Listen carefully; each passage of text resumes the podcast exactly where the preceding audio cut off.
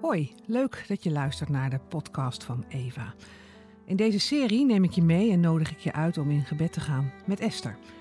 In het leven van Esther zien we een opmerkelijke verandering. We ontmoeten een onbetekenend weesmeisje die uiteindelijk een krachtige koningin blijkt te zijn.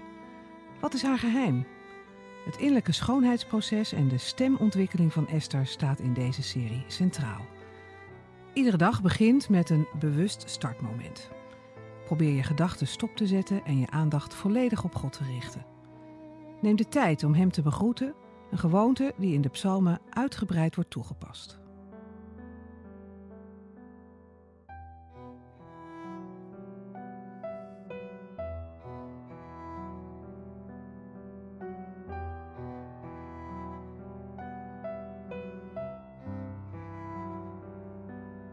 Dag 4. Eet niet en drink niet. Vraag aan God of Hij bij je wil komen en of Hij je wil zegenen met nieuwe inzichten door het verhaal van Esther.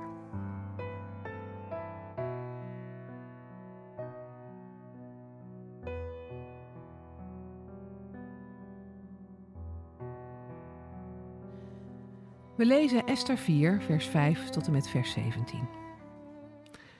Toen ontbood Esther Hatach, een van de eunuchen die de koning haar als persoonlijke dienaar had gegeven. Ze droeg hem op uit te zoeken wat de reden was van Mordechai's gedrag. Dus ging Hatach naar Mordechai, die op het stadsplein voor de koningspoort stond. Mordechai vertelde hem alles wat hem was overkomen. Ook wist hij hem precies mee te delen hoeveel zilver Haman beloofd had te zullen afdragen aan de koninklijke schatkist als hij de Joden mocht uitroeien. Bovendien gaf hij hem een afschrift van de wet die in Susa was uitgevaardigd, waarin stond dat ze moesten worden omgebracht. Dat moest Hatag aan Esther laten zien om haar op de hoogte te brengen. En, zei hij, verzoek haar met klem naar de koning te gaan. Ze moet hem om genade smeken en bij hem voor haar volk pleiten. Hatag ging naar Esther terug en bracht haar Mordechai's woorden over. Esther droeg Hatag op om Mordechai het volgende te antwoorden.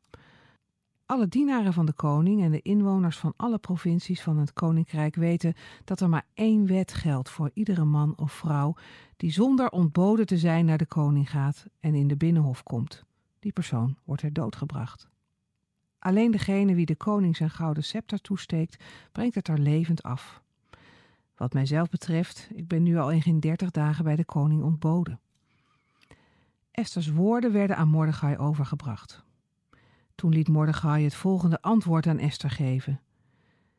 Beeld je maar niet in dat jij, omdat je in het koninklijk paleis woont, als enige van alle Joden zult ontkomen.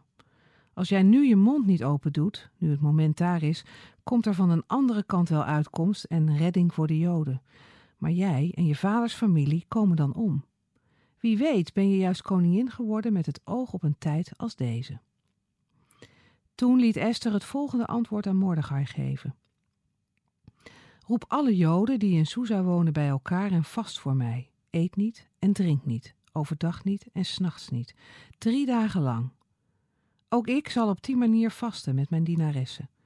En na die voorbereiding zal ik naar de koning gaan, al is dat tegen de wet. Moet ik omkomen? Goed, dan zal ik omkomen. Mordechai ging weg en deed wat Esther hem had opgedragen. Na Mordechai's pittige oproep aan Esther maakt zij haar eerste bewuste besluit. Ze start een driedaags vaste voor zichzelf, haar omgeving en ook haar eigen volk om te kunnen kiezen. Moeilijke keuzes die onverwacht en pittig kunnen zijn, die kunnen je verlammen. Maar verlammen en zwijgen zijn niet hetzelfde. Esther gebruikt het driedaagse vaste om te kunnen kiezen hoe ze verder moet.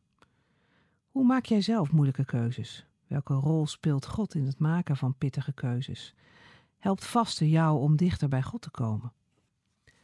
Wees vijf minuten stil en breng je gedachten bij God. Schrijf ze op of teken ze uit.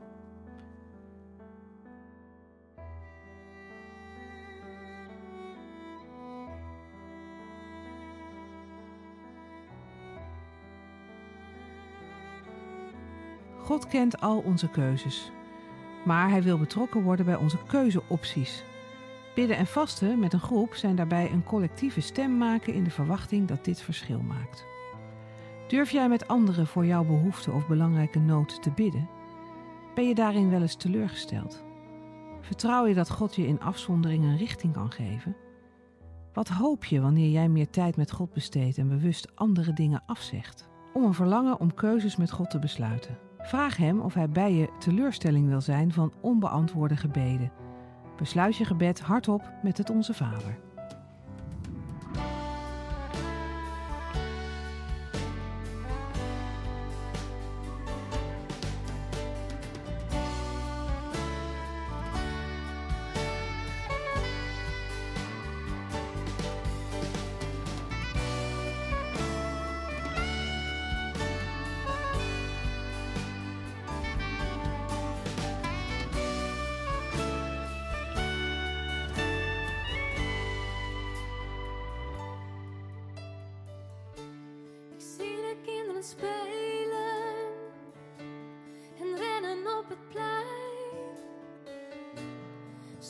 zal ik nooit meer een onbevangen meisje zijn.